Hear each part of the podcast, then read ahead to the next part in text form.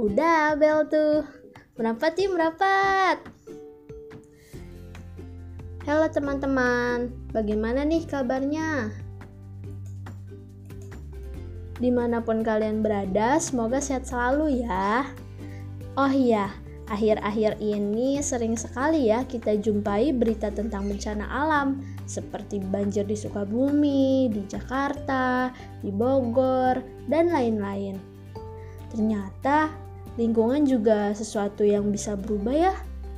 Ngomongin soal lingkungan, ternyata perubahan lingkungan bisa terjadi karena beberapa faktor loh. Yang pertama, karena alam itu sendiri. Yang kedua, karena adanya kegiatan manusia. Nah, perubahan lingkungan juga ada yang bersifat merugikan dan ada juga yang bersifatnya menguntungkan.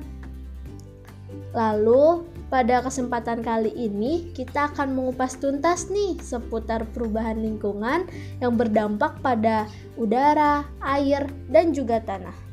Nah, langsung saja nih, yang pembahasan kita yang pertama yaitu perubahan lingkungan yang disebabkan oleh faktor alam.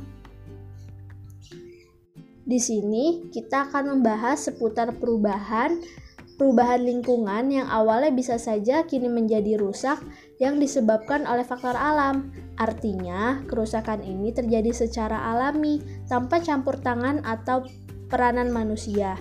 Lalu, apa yang menyebabkan ini sehingga bisa terjadi ya?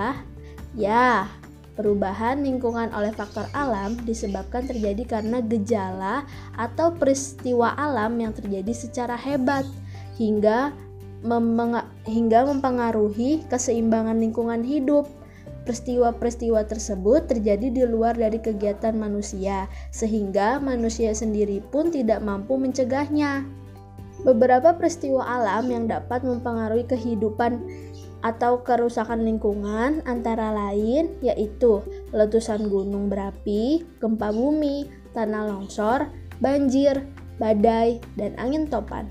Nah, setelah kita mengetahui perubahan lingkungan yang disebabkan oleh alam itu sendiri, mari kita jaga lingkungan kita yuk. Mulai dari hal-hal kecil, ya seperti membuang sampah pada tempatnya, se uh, meminimalisir penggunaan bahan ber berbahan plastik dan lain-lain.